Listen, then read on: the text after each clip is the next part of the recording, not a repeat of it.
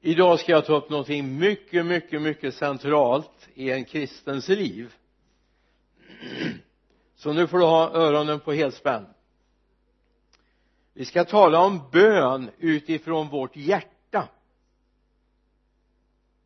Det finns bön utifrån vårt huvud.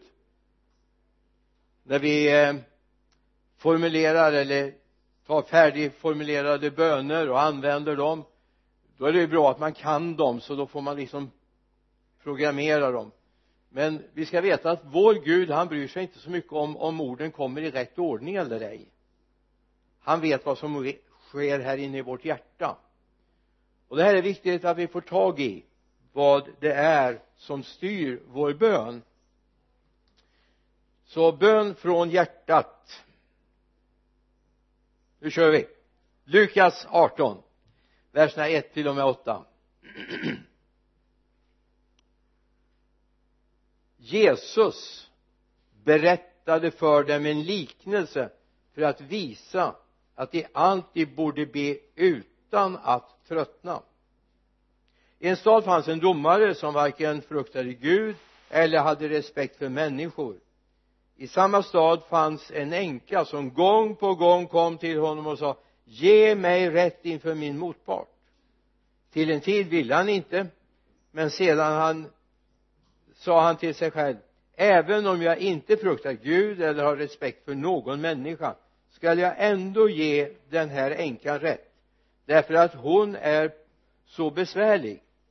Annars kommer hon att till sist pinna livet ur mig med sina ständiga besök.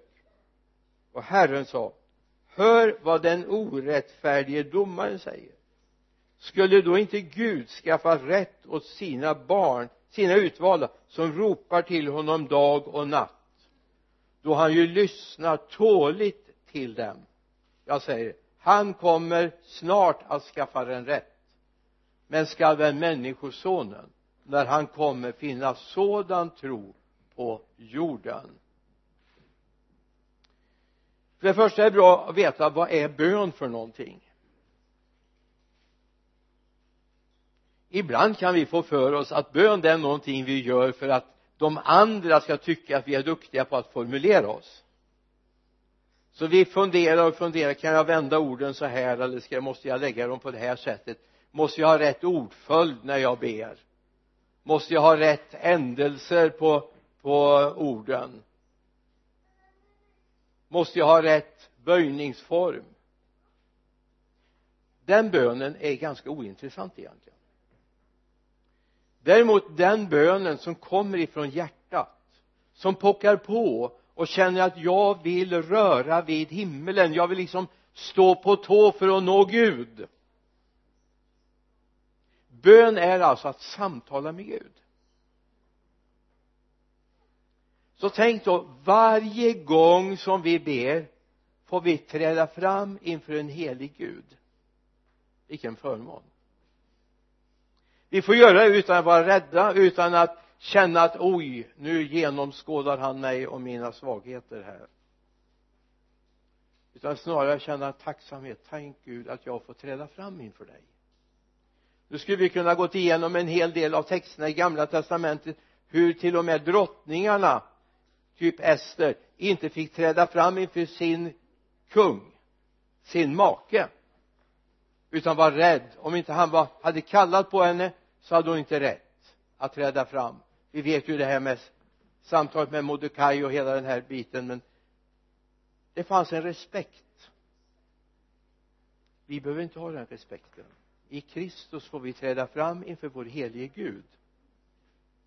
Och vi får känna han lyssnar på sina barns böner. Han kommer snart att skaffa den rätt. Varför då? Då han ju lyssnar tåligt ha med den tanken att nästa gång du ber om någonting som är angeläget i ditt hjärta tänk på att han lyssnar tåligt på dig. Han lyssnar tåligt. Han har tid med dig. Det handlar alltså inte om yttre krav om formuleringar utan det handlar om vad rör sig här i mitt hjärta. Vad är det Gud vill?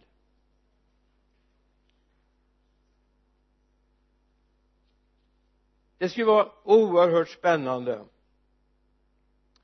om vi idag det här är väl kanske överkurs lite grann men när vi kommer så småningom till eh, lunchen här tänk om samtalet vid lunchen istället för väder och vind och det som har hänt i veckan och det som kommer skulle handla om mitt liv med Gud i bön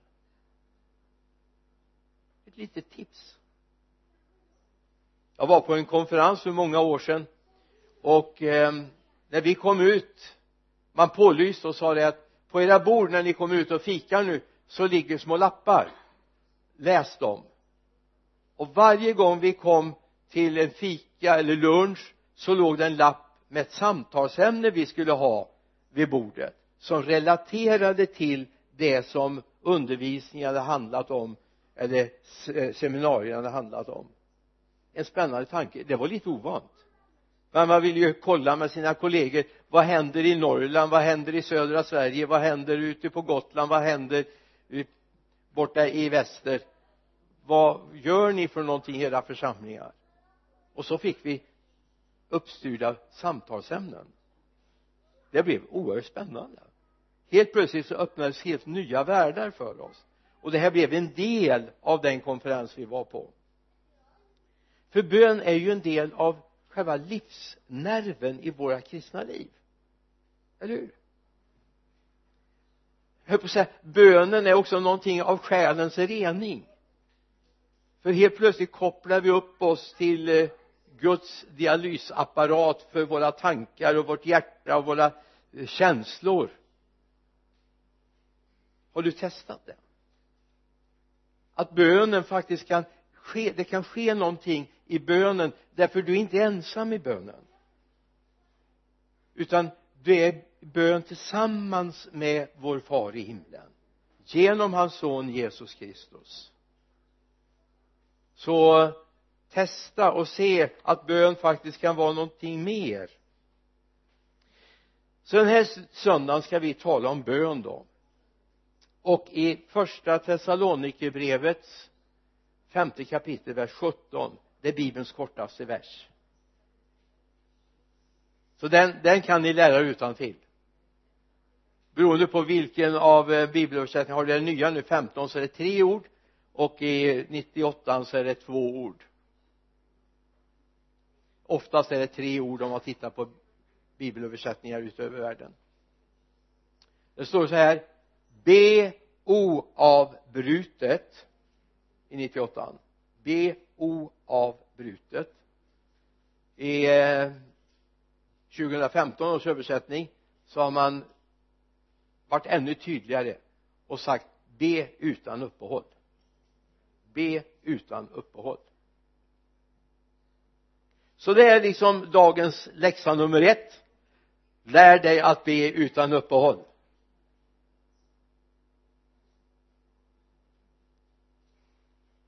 Och då var det någon som sa till mig vid något tillfälle ja men sa han hur ska jag kunna arbeta om jag ska blunda, knäppa händerna och böja knäna? Det är svårt att göra ett jobb då. Men vem sa att du behövde varken blunda eller knäppa händerna? Eller böja knä? I respekt för fadern så böjer vi knä inför honom. Framförallt böjer vi oss i våra hjärtan inför honom.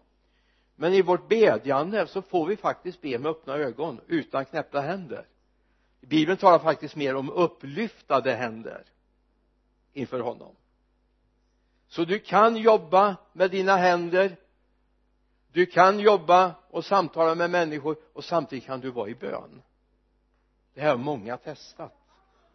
I olika arbetsuppgifter man känner på att oj här måste jag ha hjälp av Gud.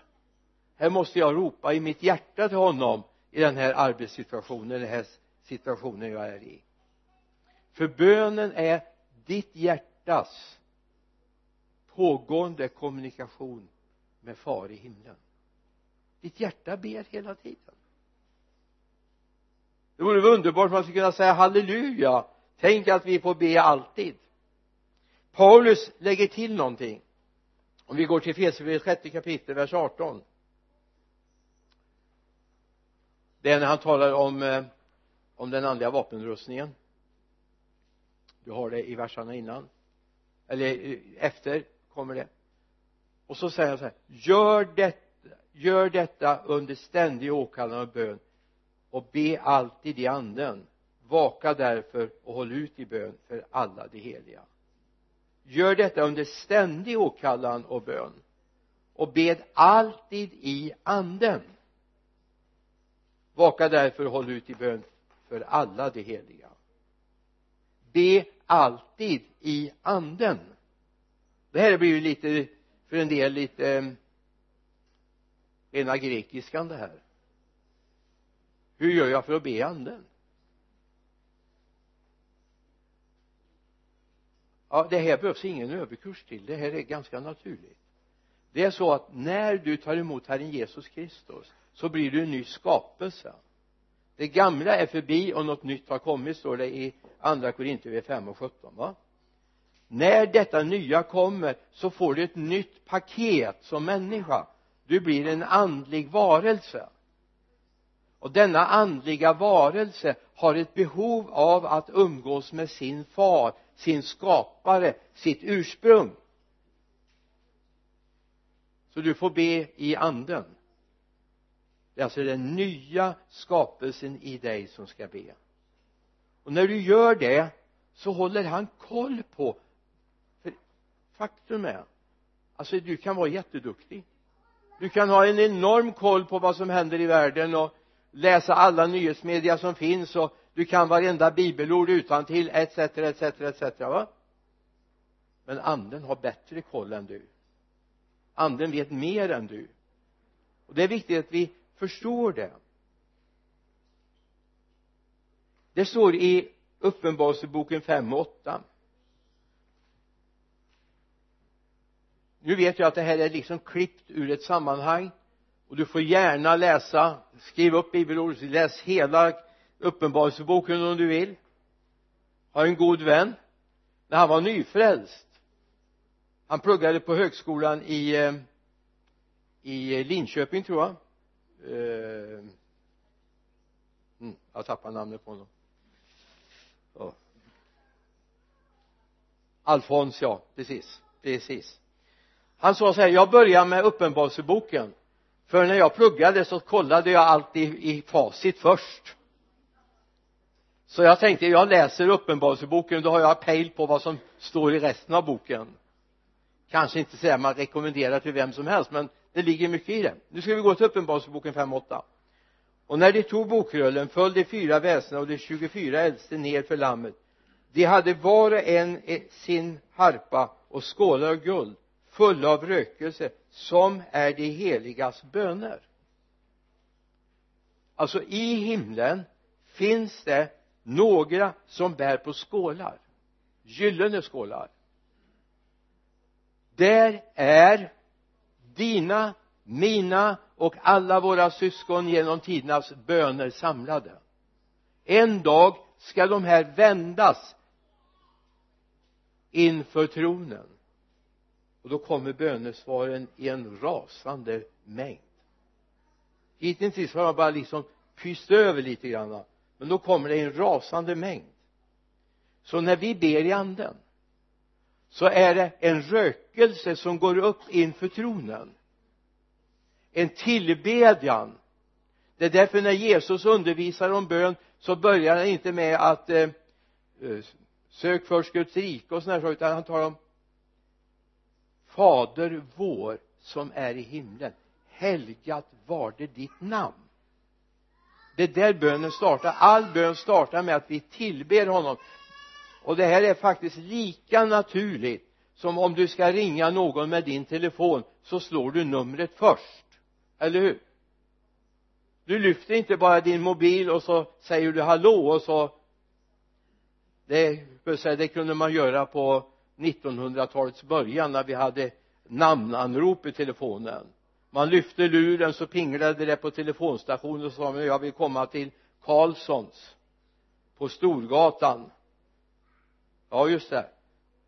Och så sprakade det till lite i telefonen och så hörde man någon skrapig röst långt bort som svarade Karlsson som jag trodde man hade ringt andra sidan jordklotet.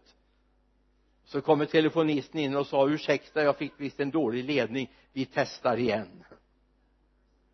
Men du tar inte en mobil och lyfter upp utan du har i ditt bedjande så börjar du med far helgat är ditt namn. Helgat är ditt namn. Du är i himlen. Och då blir det en rökelse med dina böner som stiger upp inför tronen. Vi ska komma ihåg att när vi ber så ber vi till en lyssnande Gud. Och du kan vara säker på att han har vänt sitt öra till dig. Om du är väldigt andlig eller om du är sådär mitt emellan andlig eller du känner dig inte andlig alls han har vänt sitt öra till dig. Det handlar inte om mänskliga måttstockar utan det handlar om att det finns en Gud som älskar sin skapelse. Han älskar dig och mig. I första Korinthierbrevet 12 och 2 så börjar Paulus med en negation. Ni vet att ni var, ni var hedningar drogs ni oemotståndligt till de stumma avgudarna. Drogs ni oemotståndligt till de stumma avgudarna? Och jag ska säga att det är många i vår tid som dras till de stumma avgudarna. Dessa som har dessa krav på sig be fem gånger om dagen annars räcker du inte till. Vallfärda hit eller vallfärda dit annars räknas inte din andlighet. Men vi säger vår Gud han lyssnar på oss där vi är. Vi ska läsa i psalm 115 också. Det står, säger psalmisten det vår Gud är i himlen, han gör allt vad han vill. Amen. Så kommer vers 4 men deras avgudar är silver och guld, verk av människohänder de har mun men talar inte, ögon men ser inte. De har öron men hör inte, näsa men luktar inte. Med sina händer tar de inte. Med sina fötter går de inte. I sin strupe har de inget ljud. Det som är gjord, har gjort dem blir lika dem. Ja alla som förtröstar på dem. Alltså det finns många som ber till gudar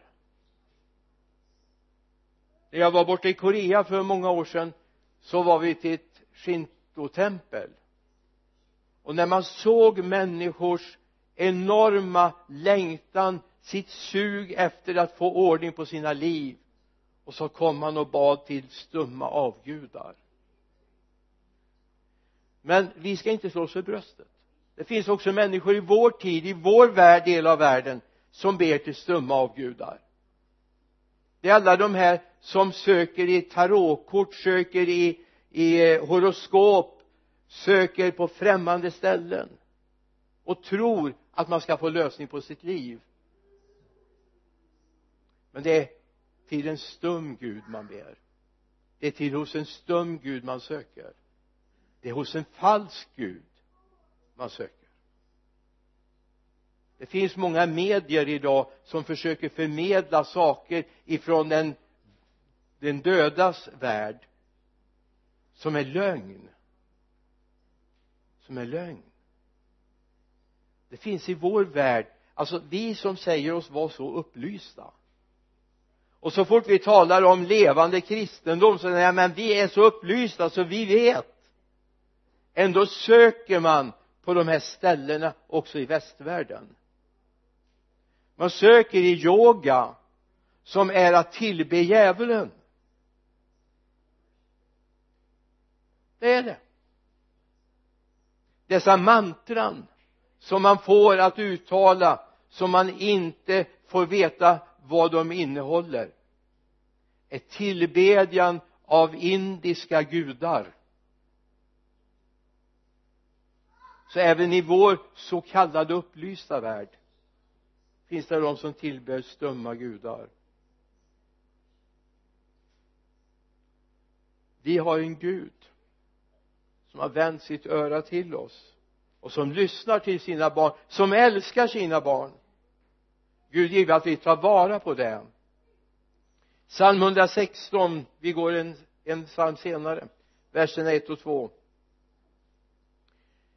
jag har Herren kär säger psalmisten ty han hör min röst mitt rop om nåd.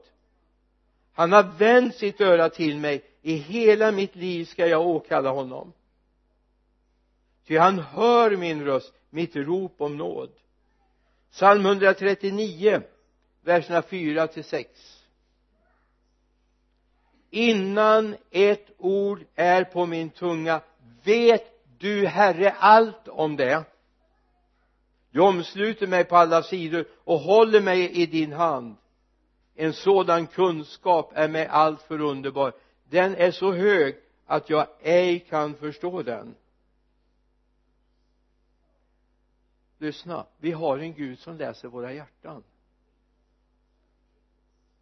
Alltså det, det är gott att be högt. Jag brukar undervisa nyfrälsta om att börja med att be högt.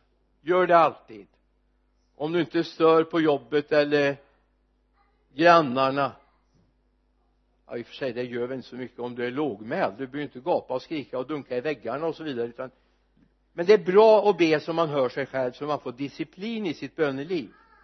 Men det är inte mina ord Gud lyssnar på utan innan ett ord är på min tunga vet han herre allt om det. Han är förtrogen med det som rör sig i ditt hjärta och det är viktigt att vi får tag i det. I första Johannesbrevets femte kapitel verserna 14 och 15 förlåt det blir mycket bibelord. Nej jag ber inte om förlåtelse. Jag bara accept, accept, ni får acceptera det blir mycket bibelord.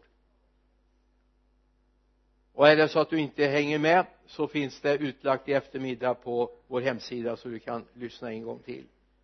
I första Johannes 5, 14, 15 och detta är den tillit vi har till honom att om vi ber om något efter hans vilja så hör han oss. Och när vi vet att han hör oss vad vi än ber om så vet vi också att vi redan har det som vi har bett honom om. Då är det en del som bara läser vers 15 här och säger okej okay, jag kan be om vad som helst men Gud varför ger du mig inte? Varför fick jag inte det det står ju att vi får be om vad som helst. Då har man missat vers 14 vers 14 säger och detta är en tillit vi har till honom om vi ber om något efter hans vilja så hör han oss. Halleluja. Han har en vilja som vi får be ut.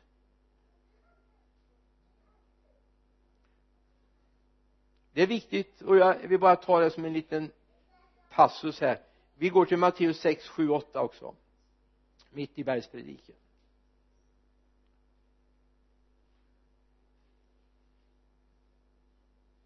och när ni ber ska ni inte rabbla långa böner som hedningarna. De menar att de ska bli bönhörda för sina många ords skull. Var inte som det er fader vet vad ni behöver innan ni ber om det. Vilken förtröstan har vi på Gud? Vet vi att han vet vad vi behöver. Vet vi är du förvissad i att Gud faktiskt vet vad du behöver innan du ber honom om det? Det här är inte en lära då att vi inte vi ska sluta be för han vet ju redan. Utan det är bara ett konstaterande att det inte är orden eller mängden av ord det handlar om utan det handlar om vad som kommer från hjärtat. Och vad som kommer från bara vår tanke vår vilja. Gud hör bönen som kommer från hjärtat. Nu ska vi ta en passus i apostlagärningarnas tolfte kapitel. Medan du slår upp tolfte kapitlet kan vi bara säga i Lukas 18 läser vi om den här änkan som oavbrutet kom till den här orättrådige domaren och bad om sin rätt. Hon hade rätten på sin sida hon var felbehandlad men hon kom till domaren för att få sin rätt. Det var inte att få domaren att ändra sitt beslut eh, på det sättet att han skulle göra något orättfärdigt utan det var en orättfärdig dom som hon ville ha upphävd amen om vi kommer till tolfte kapitlet så vi är ju alldeles i den första församlingens första tid. Om vi går till vers 1 till och med vers 3 vid denna tiden lät kung Herodes gripa och misshandla några i församlingen och Jakob, Johannes bror, lät han avrätta med svärd. När han såg att detta vann bifall hos judarna fortsatte han att för, äh, lät gripa också Petrus. Detta hände under den osyrade brödets högtid. Innan jag går vidare i det här vi ska gå vidare ner i det här eh, kapitlet så kan jag konstatera församlingen är inte på G. Församlingen är inte på G. Jakob grips och avrättas med svärd här står det inte en enda rad om att församlingen samlades och bad. Jag vet inte om du har lagt märke till det? Står inte en rad om att de samlades inte och bad.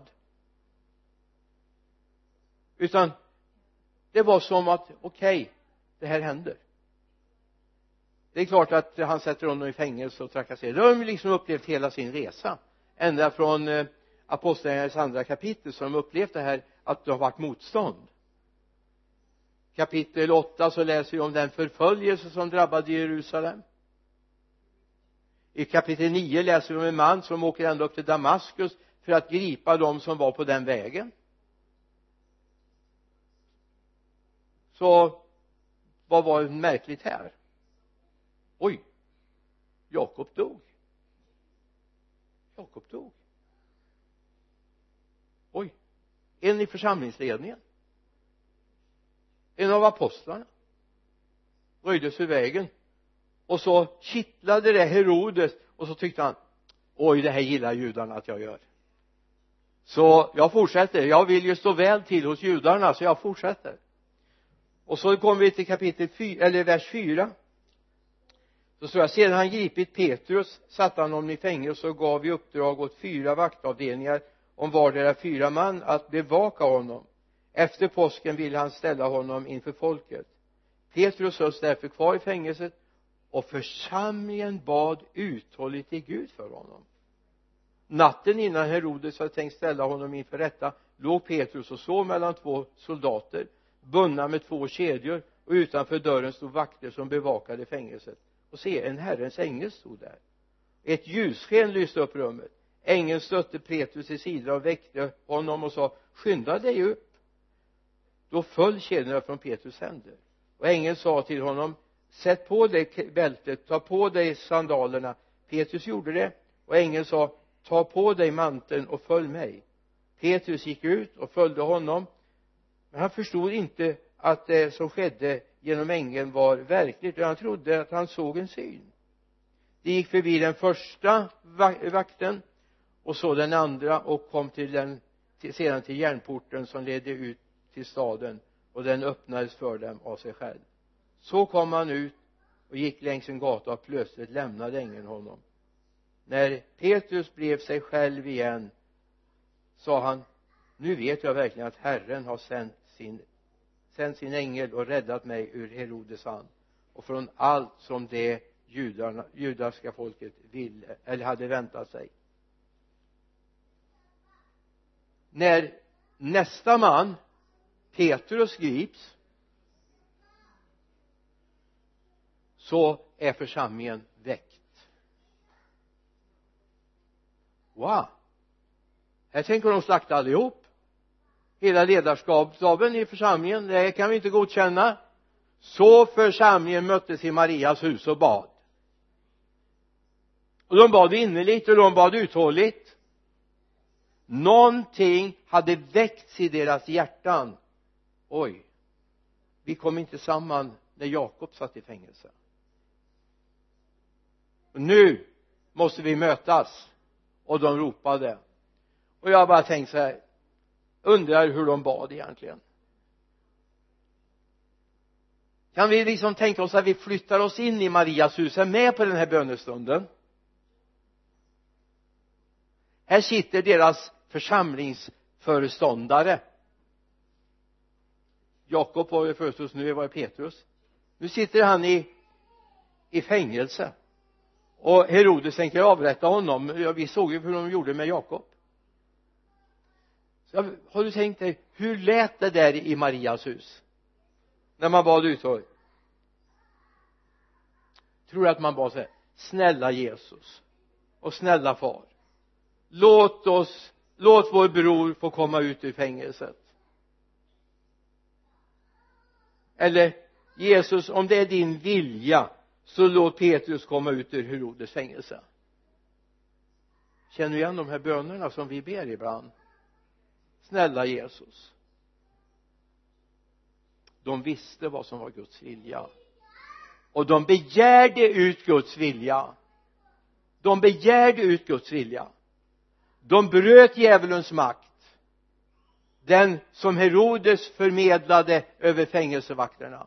De bröt den makten. Och de kallade på himmelens herrar att komma och lösa.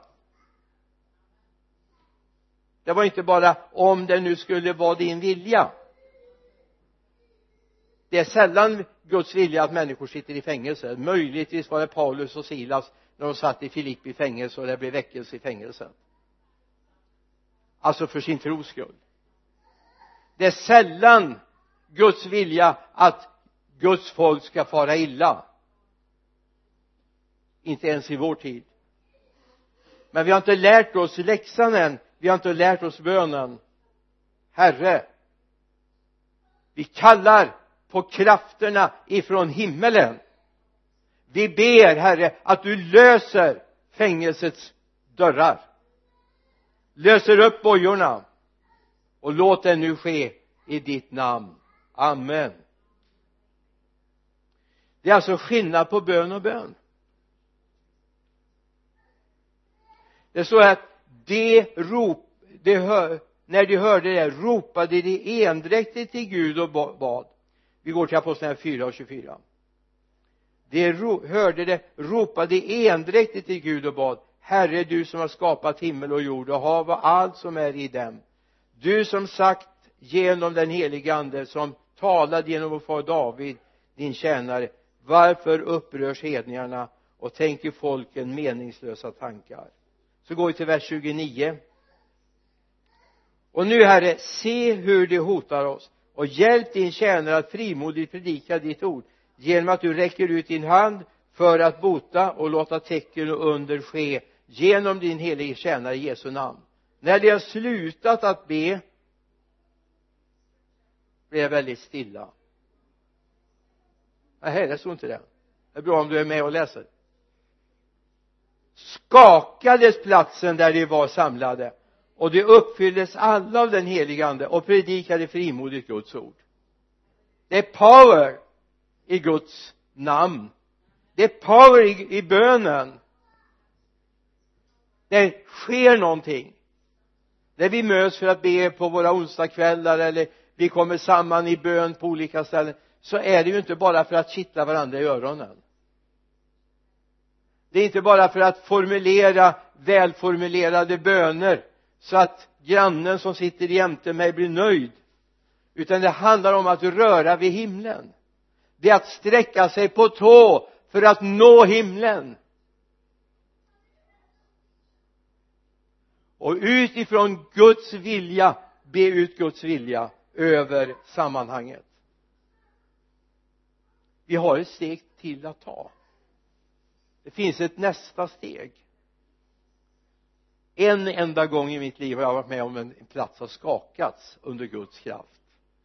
Många trodde att oljepannan exploderade. Det mullrade till och hela kyrkan skakade. Det var en pingstdag. 69 eller 70 nere i Elim i Kisa. Min eh, gode vän Erik hade precis läst texten. Jag hade fått för mig att jag skulle predika i den här gudstjänsten pingstdagen 68 eller 69 det måste ha varit 69 eller 70 ja. Och när han precis har läst ett dån ifrån himlen. Wow! Stod till hela kyrkan. Bänkarna skakade gardinerna fladdrade. Någon tänkte ja men det är nog en jordbävning men eller mm, de hade inte noterat någon jordbävning i det området överhuvudtaget. Det var Guds kraft. Vaktmästarinnan sprang ner och såg i källaren om oljepannan stod välbehållen kvar. Och det gjorde den. Gud kan skaka en plats. Gud kan skaka ett samhälle, Gud kan skaka människor Gud kan bryta banden. För det står faktiskt inte ja men det här var en Herrens tjänare. Ja det var det. Han eh, hade anbefallt sitt liv i Guds händer. Jag är helt övertygad om det. Men det står inte att Petrus höll bönenatt mellan sina fångvaktare. Det står faktiskt att han låg och sov. Har du noterat det? Han låg och sov han hade inte bönenatt. Han hade överlåtit sitt liv i Guds händer, ja. Men det fanns en församling en bit bort som förstod sitt ansvar. Det var på natten. Man samlades och bad för sin bror sin ledare. Och Gud gjorde verket. Gud gjorde verket nu är det så här att vi tror att Gud är som en automat sån där varuautomat. Stoppa in eh, 10 kronor, 20 kronor, 40 kronor så drar du en spak och så faller de där varorna du ska ha ut. Men sån är inte Gud. Men Gud kommer aldrig för sent. Vi ska gå med mig till Danielsboken tionde kapitlet vers 12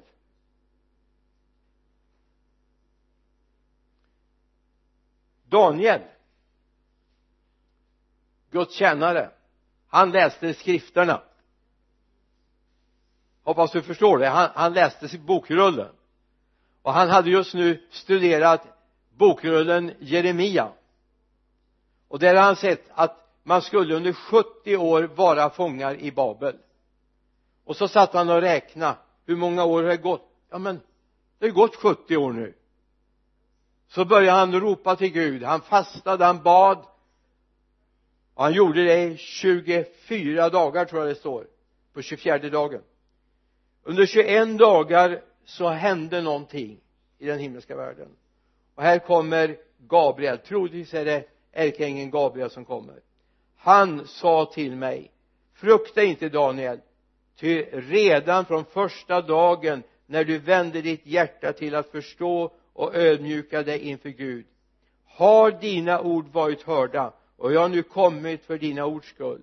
Försten över Persiens rike stod mig emot under 21 dagar då kom Mikael en av de förnämsta förstarna till min hjälp och jag blev kvar där hos Persiens kung. Men nu har jag kommit för att undervisa dig om vad du ska vad som ska hända ditt folk i kommande dagar för synen syftar på framtiden och så får han presenterat vad de ska göra och ska de lämna Babel så småningom. Ibland så blir vi väldigt bedrövade om inte vi får sma bönesvar timma två. Så börjar vi fundera på om Gud hör. För jag menar vi bad ju ändå en kort bön till Gud. Men Gud vill för det första att vi ska vara uthålliga i bönen kvinnan som kommer till den orättrådige domaren får inte ja första gången. Mose när han går till farao får inte svar första gången ett ja utan så småningom händer det. Så ha det med dig med uthållighet och att det är från hjärtat.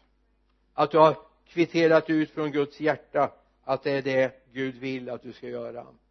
För kom ihåg Gabriel säger att försten över Persiens rike stod mig emot.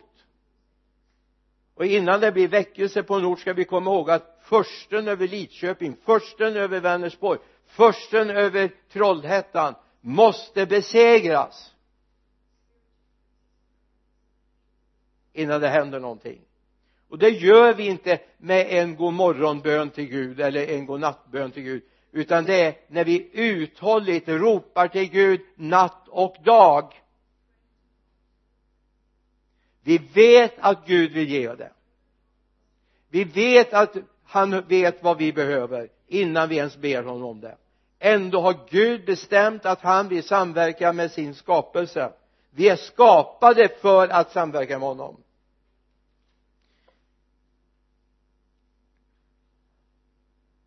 I Efesierbrevet 6 och 18 så gör detta under ständig åkallan och be alltid i anden. Vaka därför och håll ut i bön för alla de heliga.